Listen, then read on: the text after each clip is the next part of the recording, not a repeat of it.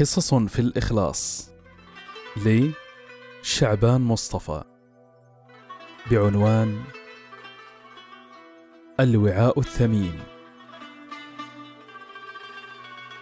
لما فتح المسلمون المدائن أخذوا يجمعون الغنائم وبينما هم كذلك جاء أحد الناس ومعه وعاء ثمين ووضعه مع الغنائم.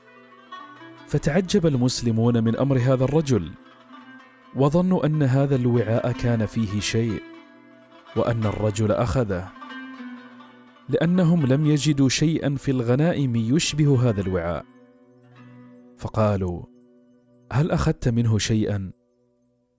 فقال الرجل والله لولا الله ما أتيتكم به. فعرفوا أنه رجل أمين. فقالوا من أنت؟ فرفض الرجل أن يخبرهم باسمه حتى لا يمدحه أحد بما فعل.